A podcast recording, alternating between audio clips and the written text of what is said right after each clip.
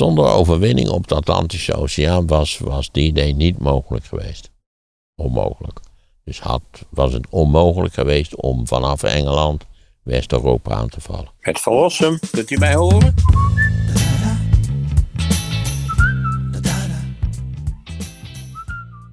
Ik ben natuurlijk in Duitsland geweest nog. Met de bus. Een week of wat geleden. Ja.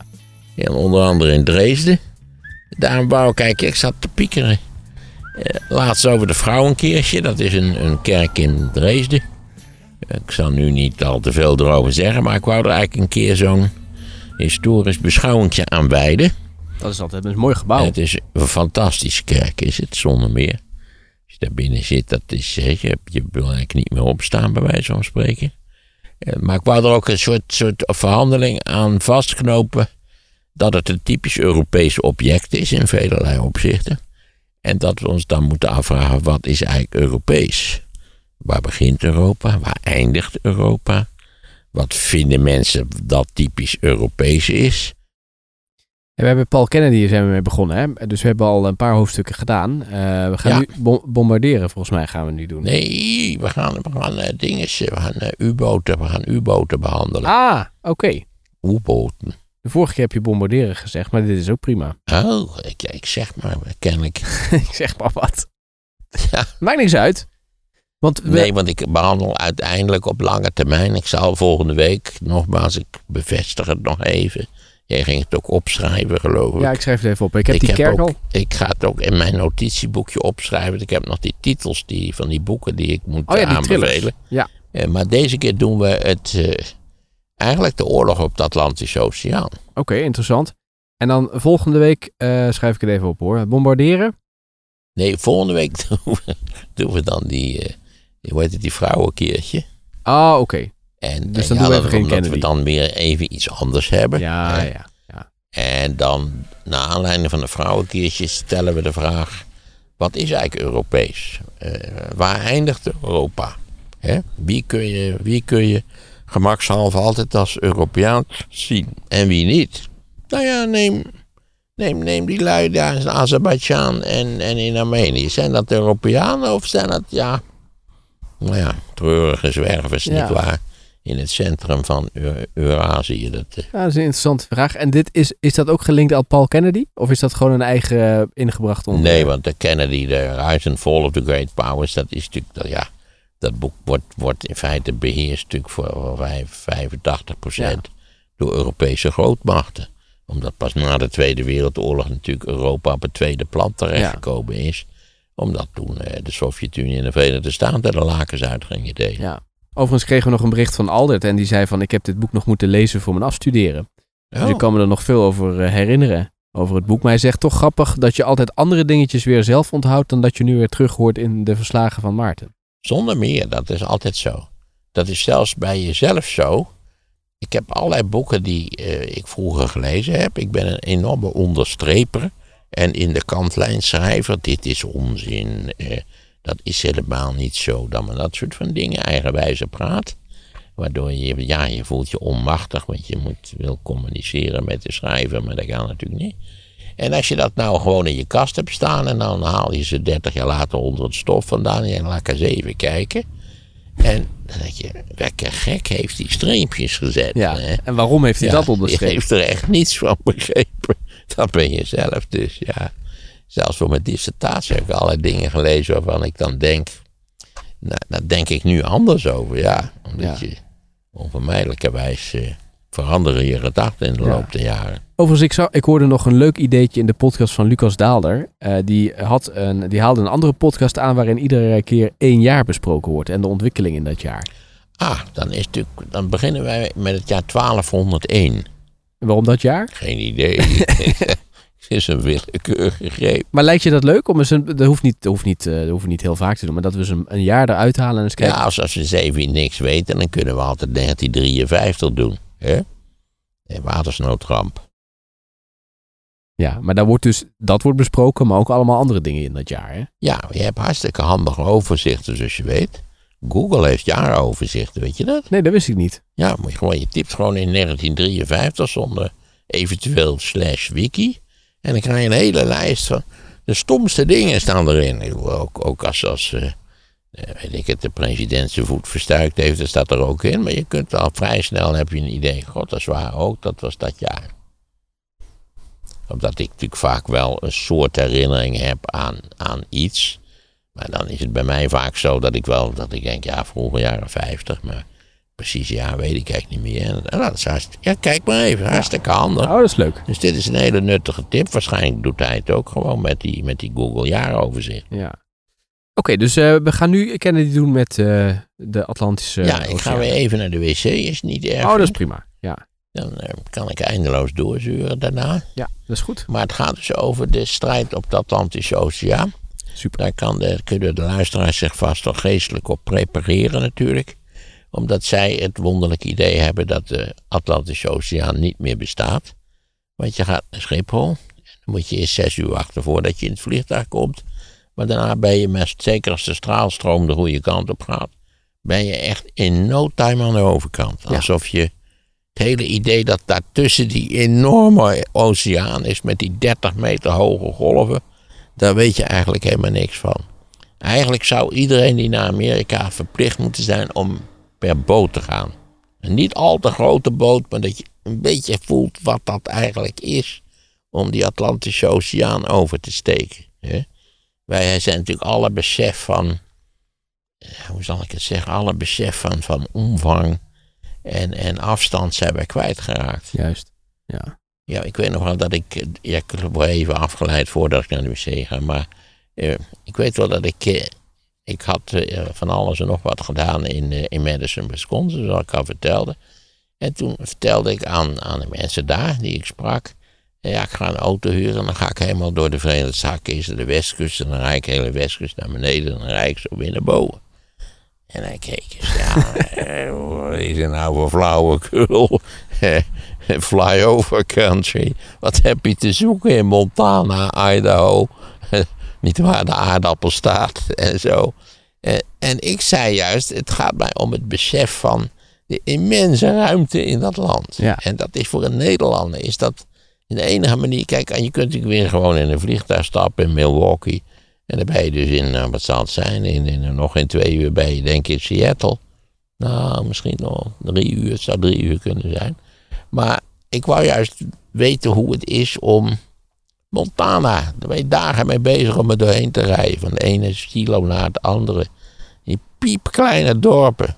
Dat motel met drie kamers of vier kamers. En toen zei ik s'avonds tegen die man, zo'n oude man met een baard notabene, dan weet je in Amerika sowieso. Al dat het een afwijkend exemplaar is, althans toen. Ik zei, ik ga even naar mijn vrouw in Nederland bellen. Keek me aan en zei, dat kan helemaal niet. dat, heb je, dat heb je vaak Oh, verteld. dus ja, ja. ja. Precies, dat kan helemaal niet. Hij wist zelf niet dat hij in zijn, in zijn eenzaamheid daar in, in Noord-Montana, dat hij, dat hij eigenlijk gewoon in contact stond met de hele wereld. ja, Gek is dat hij eigenlijk. Ja. Oké, ik ben zo weer terug. dat is goed. Hè? Hebben de Amerikanen dat zelf wel, dat besef hoe groot dat land is? Waarom het in een auto is, toch? Namelijk dat het goedkoop is. Dat het aan huis is. En praktisch gewoon heel dat makkelijk. we onder omstandigheden moeiteloos onze studio kunnen verplaatsen naar Ja, een kermisterrein in Bokstel. Ik bedoel, het, wat, je, wat je maar wil, het maakt niet uit. Ja. En dat mensen niet eerder op dat idee zijn het gekomen. is, heel, het is echt gewoon ideaal, ja. Vooral nu ik een aantal van die andere installaties heb gezien voor podcastmakerij. Dat je denkt, nou, nou, dat kan ook minder. Hoewel, nee, want je hebt hier ook voldoende kanalen. Het is echt, Vier zijn het er, ja. ja, Er kunnen nog twee mensen bij het zijn. hartstikke Ja. praktisch. Ze zeggen alleen dat als je het dus op zo'n kaartje opneemt en het dan op een computer zet, dat de kwaliteitsoverdracht iets minder is dan dat als deze Ja, kabels maar die meteen... kwaliteit bij een podcast doet het toch niet zo Als het, te- als het veel maar te verstaan is. Ja, in, in relatie tot bijvoorbeeld het commentaar in eh, Engels. Dat is Nee, dan moet je niet, eh, dat dan moet is je niet als podcast uitzenden. nee. Ja, zo ongelooflijk. Maar je hebt dat toch ook op luchthavens. Dat jij hoort wel dat er iets omgeroepen wordt. En je hoort misschien ook het woord Parijs. Maar wat er of Parijs gebombardeerd is. Of Parijs tijdelijk verdwenen is. Daar kom je dus eigenlijk niet achter. Maar op Schiphol vind ik het nog wel meevallen. Maar het heeft vaak ook te maken met het geroezemoes van alle mensen die eromheen En bovendien op Schiphol natuurlijk vaak wordt Engels op zijn Nederlands gesproken. Ja, oké. en als. Nederlander kun je ontzettend goed Nederlands-Engels verstaan. Ja, dat, heb je gelijk in. Ja. Maar Duits-Engels of Italiaans-Engels, Dat is anders, ja. omdat ook daar die klemtonen alweer heel anders lopen, dan begrijp je er vaak geen kloot van. denk je, wat zegt hij? Waar heeft hij het over? Ja. Dat is het. Nou, daar hebben we dus de strijd om de Atlantische Oceaan.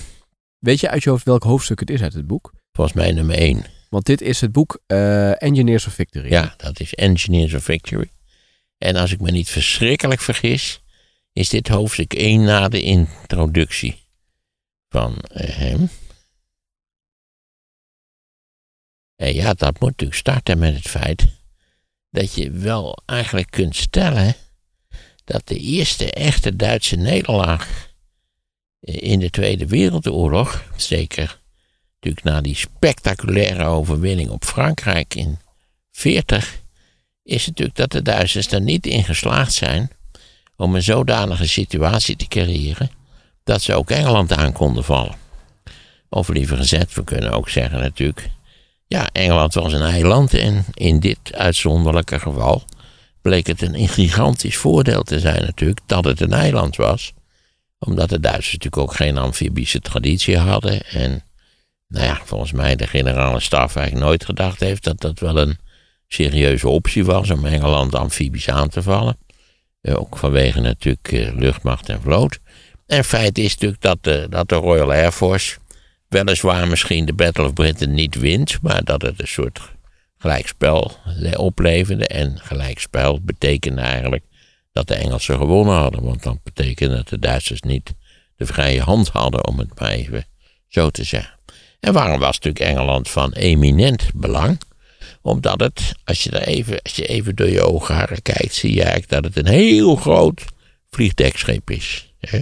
Een reusachtig vliegdekschip, waarvan je meteen denkt, dat is ideaal, nietwaar? Zodra het Amerikaanse productieapparaat werkelijk begint te draaien, nietwaar?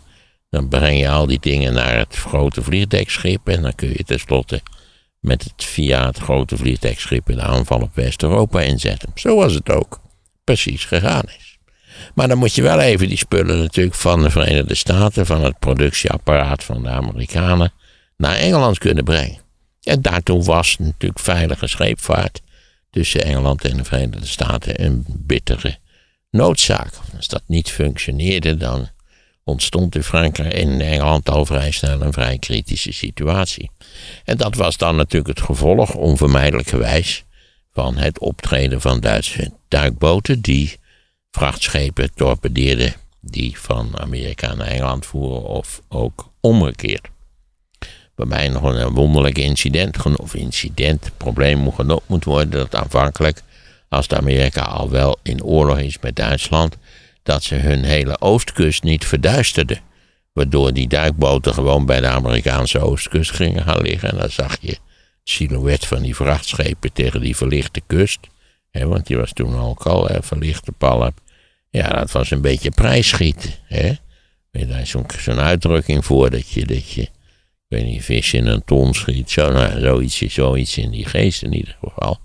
Eh, daarbij zijn zeker ook in 41 en 42 echt enorme hoeveelheden schepen getorpedeerd. Terwijl dat misschien bij iets efficiëntere optreden van de Amerikanen niet noodzakelijk zou zijn geweest.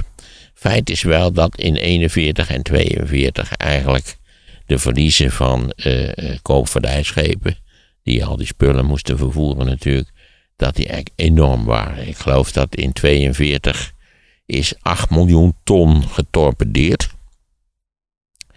Eh, niet allemaal door de U-boten, er zijn ook op andere manieren schepen naar, de, naar de bodem van de zee gegaan.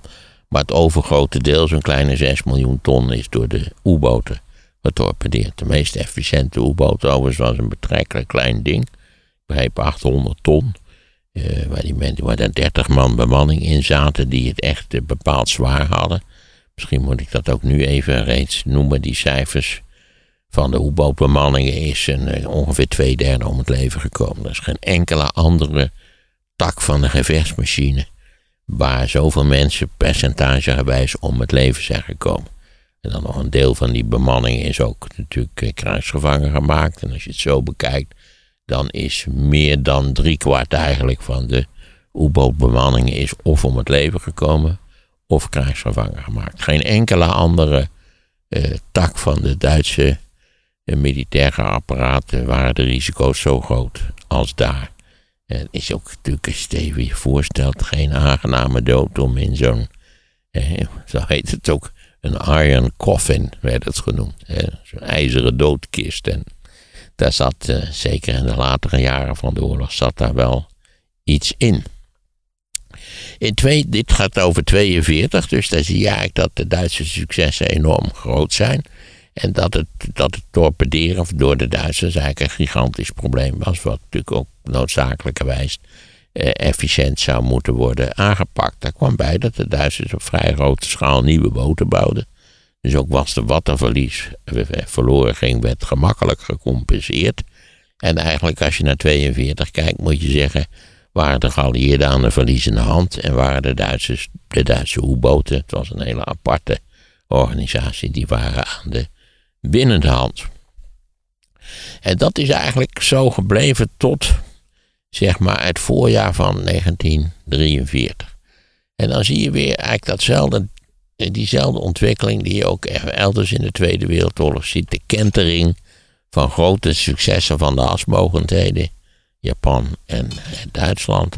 In natuurlijk 41, 39, 41, 42. En dan de kentering in dat enorme conflict in de loop van 43. Waarbij geleidelijk aan de alsmogendheden in het defensief worden gedrongen.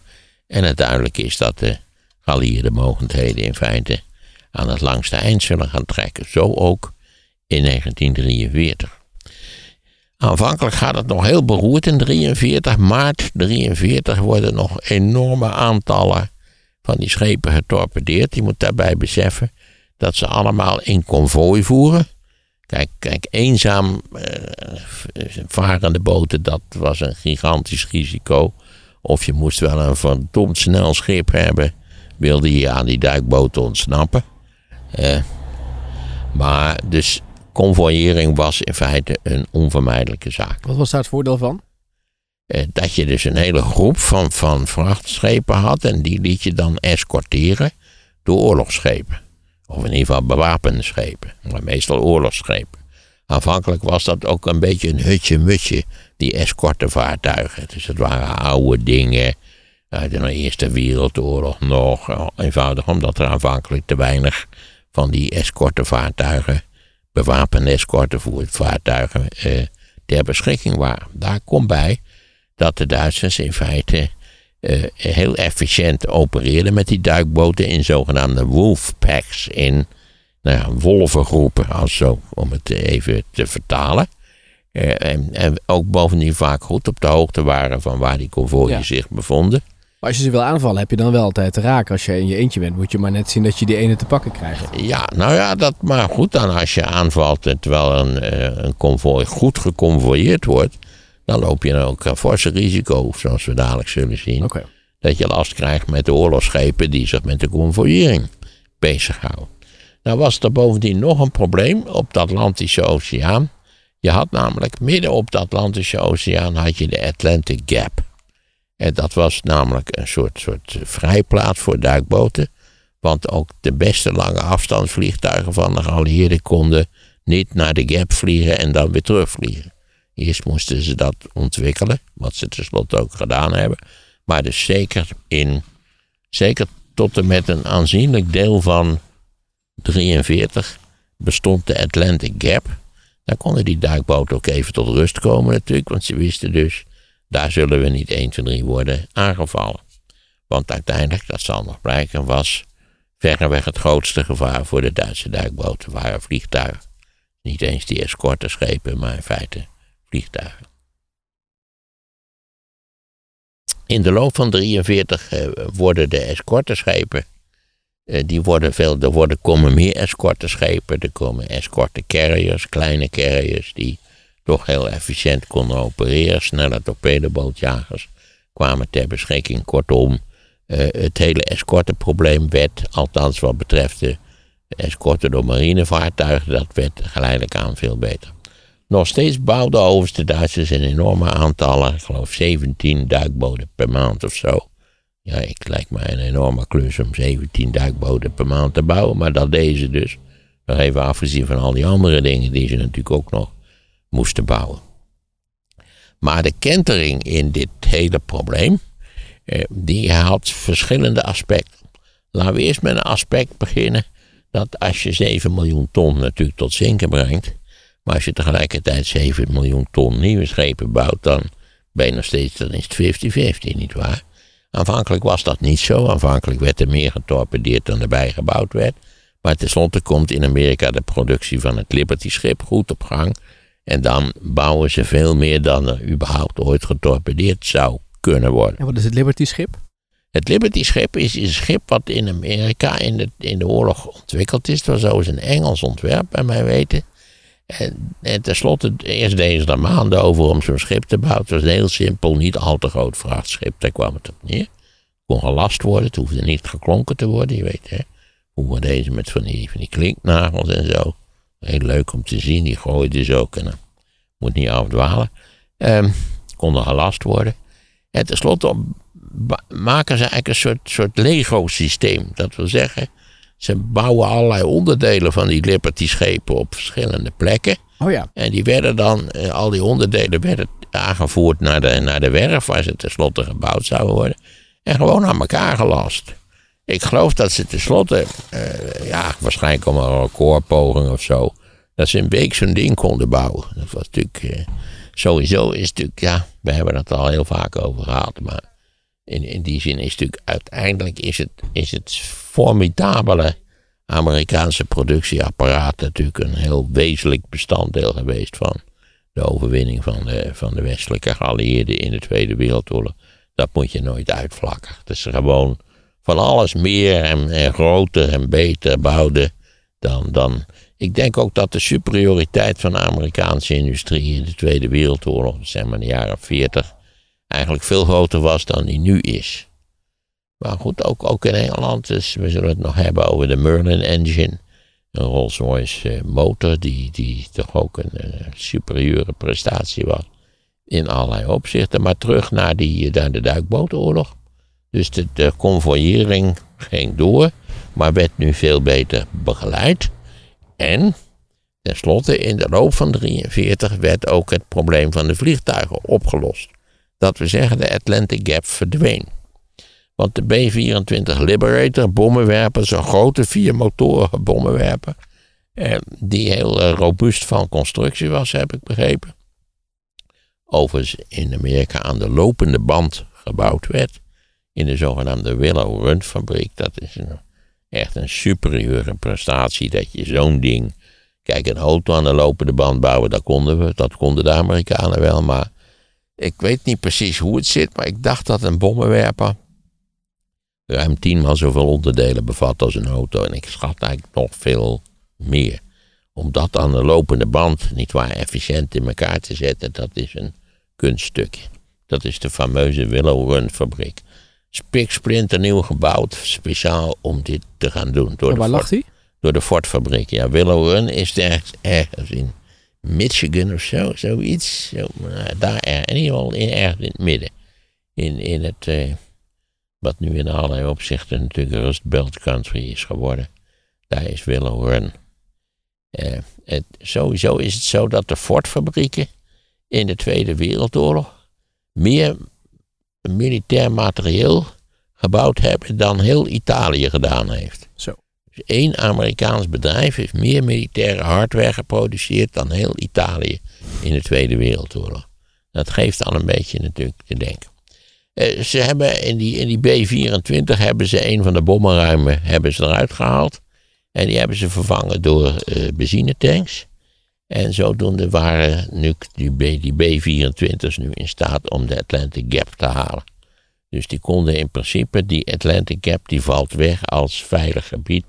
Of als gebied waar de U-boten gewoon hun gang konden gaan. Tegelijkertijd wordt eigenlijk de hele bestrijding van de duikboot, die, die gaat met stappen vooruit. Primair van de, in de bestrijding is het gebruik van vliegtuigen. Er werden ook andere bommenwerpers gebouwd, maar alleen die Liberator was in staat om de hele Atlantische Oceaan te bestrijken. Maar ook de detectieapparatuur gaat sterk vooruit. Ze konden bijvoorbeeld radiosignalen opvangen. En de Duitse U-boten hadden nogal de neiging om misschien voor de gezelligheid met veel te veel met elkaar te kletsen. En ja, dan werden ze dus door die nieuwe detectieapparatuur werden ze opgevangen. Bovendien hadden de Engelsen ontwikkeld een korte golfradar. Ik begreep, wat heeft 30, 30 centimeter radar of zo. Dat bleek fantastisch te werken en maakte het bovendien mogelijk om hele kleine radarinstallaties te bouwen die ook aan boord van vliegtuigen gebruikt konden worden. Maar die radarinstallaties waren in staat om bijvoorbeeld bij nacht en ontij een, een, eh, zo'n zo toren van zo'n duikboot eh, eh, om, die te, om die te ontdekken. later zijn ze ook voor reddingsapparaten enzovoort. Nou, nu heb je dus al twee dingen. Het vliegtuig, radiodetectie, radardetectie. Dat is ook iets nieuws. Bovendien was rad, radiodetectie was door de Duitsers wel ook weer te detecteren. Maar radardetectie was voor de Duitsers niet te detecteren. Toen kwamen er ook nog schijnwerpers, zogenaamde Lee lights.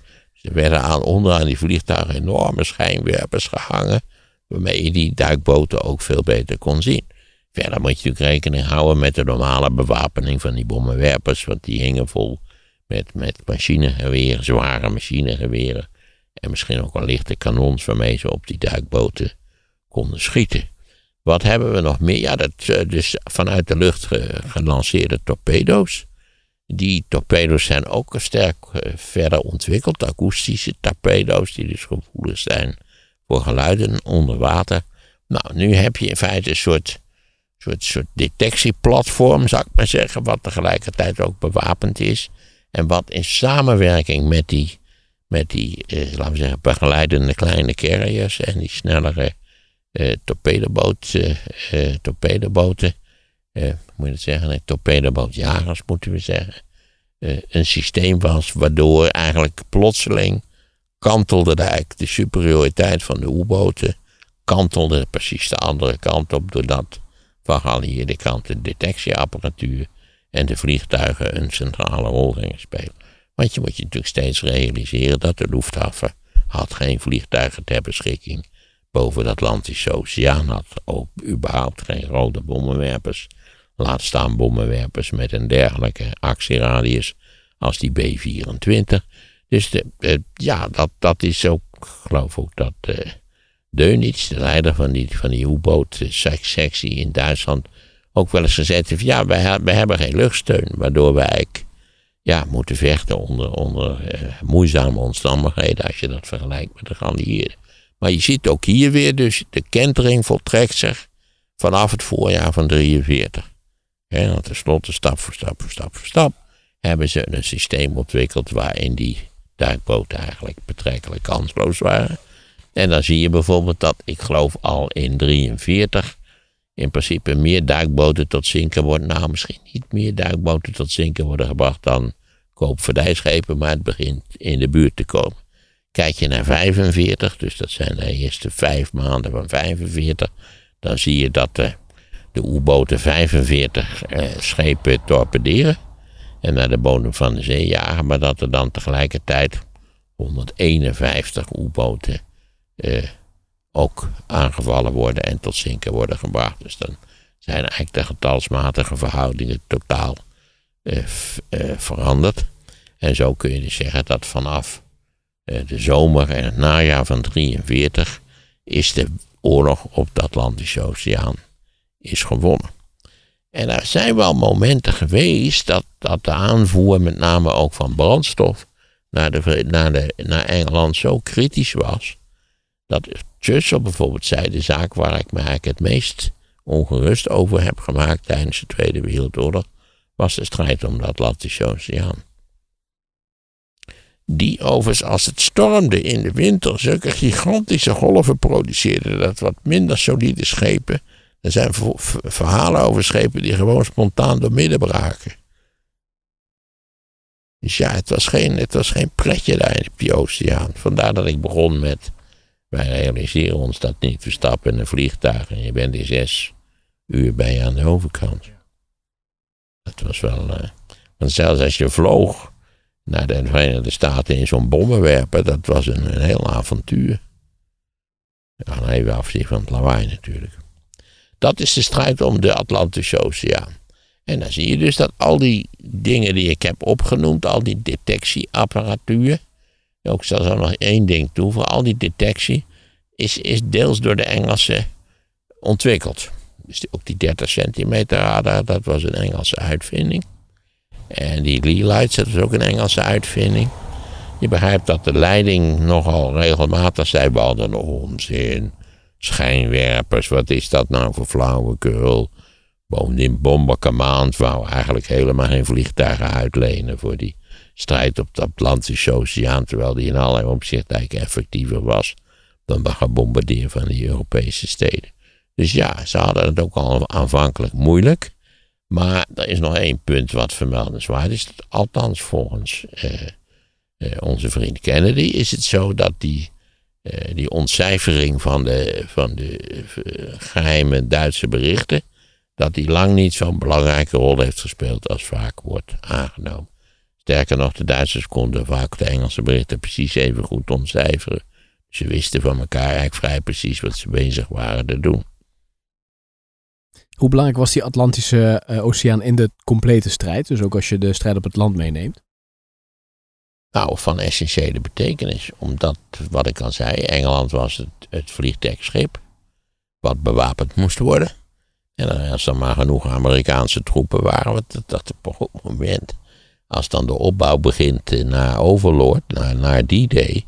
Want je moet je voorstellen hoeveel mensen, om hoeveel mensen het ging. Dus dat heel, heel Zuid-Engeland was chock en chock vol. Ja. Met militaire apparatuur en Amerikaanse soldaten. Maar met andere woorden, als je dus strategisch ook iets had willen doen, dan had je op die oceaan... Zonder, zonder overwinning op de Atlantische Oceaan was, was die idee niet mogelijk geweest. Nee. Onmogelijk. Dus had, was het onmogelijk geweest om vanaf Engeland West-Europa aan te vallen. Jij had het over die radarsystemen. Als er nou een innovatie aan de kant van de tegenstander plaatsvond, dan wist natuurlijk de andere, het andere kamp wist dat nog niet meteen. Dus als ze afgeluisterd konden worden, dan was dat natuurlijk niet iets wat meteen rondzong of Nee, wel. ze begrepen vaak wel eh, door het- de wijze waarop ze aangepakt werden, dat de kennelijk de Engelsen iets wisten. Of iets, iets ontdekt hadden. Of, of nou ja, dat die daarover geïnformeerd waren. Oké. Want ja, daar konden ze opgevangen worden. Ja. Ook, ook als het tenslotte als er veel te veel duikboten eigenlijk eh, eh, ver- vernietigd worden door die, door die nieuwe detectieapparatuur en die vliegtuigen.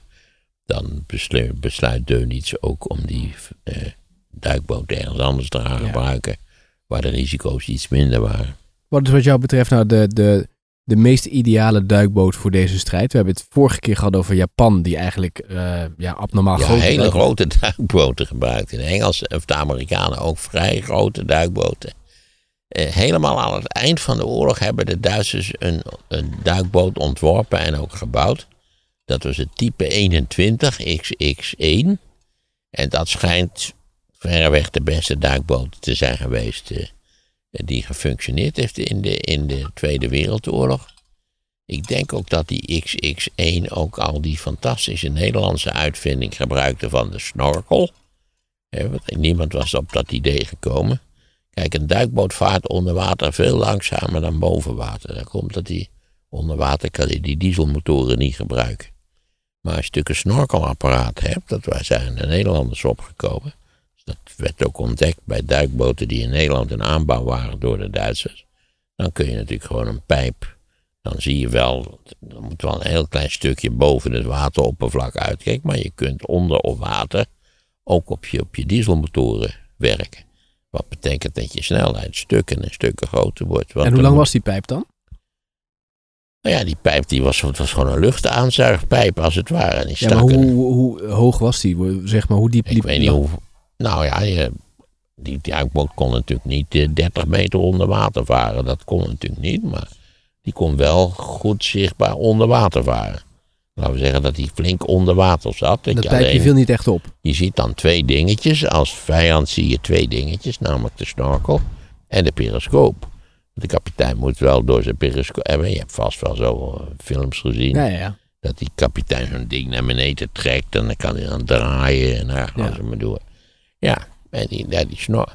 Wat er moet nog bijgezegd worden, dat die duikboten vaak, eh, als ze boven water voeren, dus helemaal niet ondergedoken waren, enorm effectief waren. Vooral s'nachts. Kon je ze ook niet zien, toch? Precies, omdat dan alles wegvalt. Ja, tot die D-lights kwamen, want dan kon, je, dan kon je ze natuurlijk weer wel Ja. zien. Of, of die radar, die 30 centimeter radar. Ja. Maar wat was dan de beste boot? Want die vraag stelde De. Duitse, die Duitse 21, Oké. eh, type 21. Ja, heb ik gelezen. Ik bedoel, die zagen er ook hartstikke modern uit. Dat je denkt, ja, ja, dat is waar. Zo ziet die, al die duikboten na de Tweede Wereldoorlog eruit. En met hoeveel mensen kon je daar aan boord zitten? Nou, kijk, die kleine duikboten waren 30 man. Ik weet niet precies hoe. Ik schat dan zo'n grotere boot. Ze zal een bemanning van het dubbele hebben gehad. En ja, na, vanaf de late jaren 50 hebben we nucleaire onderzeeboten. Dus dan eh, speelt dit hele probleem in Nee. feite. Die dingen kunnen drie maanden onder water blijven. Ja. En hoe is het leven onder water in zo'n boot? Het schijnt dat er mensen zijn die er totaal geen last van hebben. En je hebt natuurlijk de bekende groep die dat. Nou ja, dan ben je gauw, is natuurlijk gauw klaar met de onderzeebootdienst. Als je er niet tegen kan, dat is wel duidelijk natuurlijk. Het idee natuurlijk van die nucleaire onderzeeboot is dat ze ook zo lang onder water blijven natuurlijk. Eh, Al zijn er natuurlijk tegenwoordig ook weer allerlei detectiemethoden ontwikkeld. Dus ze hebben, de Amerikanen hebben door de, volgens mij vrijwel overal in de wereldzeeën, eh, af, afluisterapparatuur eh, geïnstalleerd. Hm. Ja, je moet naar de Hunt voor Red Oktober. Heb je die film gezien of niet? Is best leuk. Sean Connery als Russische kapitein. En hoe lang konden ze varen onder water? Nou, ik, ik denk dat die, eh, die dingen die dus in feite afhankelijk waren van elektrische aandrijving onder water, die kleinere Duitse duikboten, geen idee. Ik denk beperkt. Maar hoe, hoe beperkt? Ik ben geen deskundige op het gebied van eh, duikboten. Nee. Maar je ziet dat de Duitsers ook natuurlijk. De, eh, dat is wel een beetje een neiging van Kennedy. Om natuurlijk de, de geallieerde inventiviteit. om die eh, voortdurend hogelijk te prijzen. En dat hij dan wel eens. Nou ja, ek, ek, min of meer gedwongen. min of meer gedwongen moet worden. Om te erkennen dat die Duitsers natuurlijk ook aan de lopende band fantastische apparatuur bouwden. Handvuurwapens bij de Duitsers allemaal beter dan van de geallieerden. Stengun was een klote wapen wat voortdurend eh, van zichzelf afging. Eh, Die, die straaljager van Messerschmitt, die M262, dat was een wonderwapen. Dat zijn ontzettend leuke conversa leuk, nou ja, conversaties van eh, geallieerde piloten die zeggen, wat was dat? Want dat ding komt voorbij met een snelheid die 150 kilometer hoger lag dan van de snelste geallieerde jagers. Dan had je de Tiger tank die misschien wat aan de grote kant was, maar toch door iedereen als de beste tank van de Tweede Wereldoorlog beschouwd. Alleen, het probleem voor de Duitsers was dat het Duitse productieapparaat natuurlijk niet, niet opkomt tegen het Amerikaanse productieapparaat. En dat de Luftwaffe natuurlijk steeds meer, naarmate de oorlog vorderde, steeds beperktere functie kreeg. En ook, ook deels van het Oostfront werd teruggetrokken om het, om het vaderland te verdedigen. Heb je even nou de, de meeste duikboten moeten inleveren? Er zijn honderden Duitse duikboten tot zinken gebracht. Echt honderden. Dit was wat ik al zei. Het was een varende doodskist. Zijn er nog bekende musea waar je, waar je ze nog kunt zien? Waar je nog een hele duikboot kunt zien. Als je naar Texel gaat, dan kun je een hele duikboot zien. Maar van Die ligt is daar op de, op de route richting de boot. Maar als ik het wel heb, is dat een, een, een oude Russische onderzeeër. Wel- een naoorlogse, maar een, een oude naoorlogse Russische onderzeeër. Oké. Dus voor, voor mensen die er eens in willen kijken, dat eh, kun je daar doen. We hebben toen nog dat verhaal met die koers gehad. Hè? Dat is natuurlijk ook ver na de oorlog Ja, geweest. dat- Maar maar goed, dat zijn hele grote onderzeeërs. Want die hadden, ik geloof, twintig eh, ballistische raketten aan boord om af te schieten. Want dat is natuurlijk het, het- nou ja, eh, daardoor hebben we natuurlijk heel wonderlijk dat, je, dat de Amerikanen tenslotte natuurlijk een enorme luchtmacht hadden. Met de meest hypermoderne bommenwerpers denkbaar. Maar ze die ze nog steeds bouwen, eh, merkwaardig genoeg.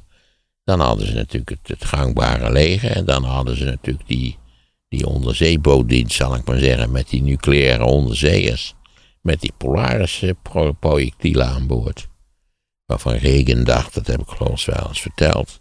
Regen dacht, je kon er een afschieten. En als je dan na een kwartiertje dacht van nou, misschien toch niet zo verstandig. Dan kon je weer op een andere druk, de knop drukken en dan kwam hij weer terug. En dan zakte hij weer in zijn silo. Ja, tenslotte, we hebben nooit gedacht dat het zo makkelijk zou zijn, of makkelijk zou zijn om raketten weer terug te halen. Maar onze vriend Musk heeft laten zien, Ja. zei dat er nogal wat risico's bij gelopen worden, maar dat dat kan inderdaad. Juist. Dus dat betekent dat je hem opnieuw kunt gebruiken. Lekker gek heeft die streepjes gezet. Die heeft er echt niets van begrepen. Een vraagje. Kun jij alle bondskanseliers noemen die Duitsland na de Tweede Wereldoorlog opnieuw hebben opgebouwd? Kool had blühende landschaften beloofd en, en in no time waren er miljoenen werklozen omdat die, eh, die, die, die economie moest gesaneerd worden. Na het horen van het gloednieuwe luisterboek Bondskanseliers ken je ze allemaal. Download het luisterboek Bondskanseliers nu via de link in de show notes. En in de podcast Sea Level gaat het nu over de vraag of consultants schadelijk zijn voor de economie. Dat is snoeiharde kritiek van de bekende econoom Mariana Mazzucato. In haar nieuwste boek The Big Con veegt ze de vloer aan met consultants. Stephanie Hottehuis, de baas van een van de grootste consultancybedrijven van Nederland, KPMG, reageert nu op die snoeiharde kritiek in de podcast Sea Level. Je luistert de aflevering via de link in de beschrijving bij deze podcast.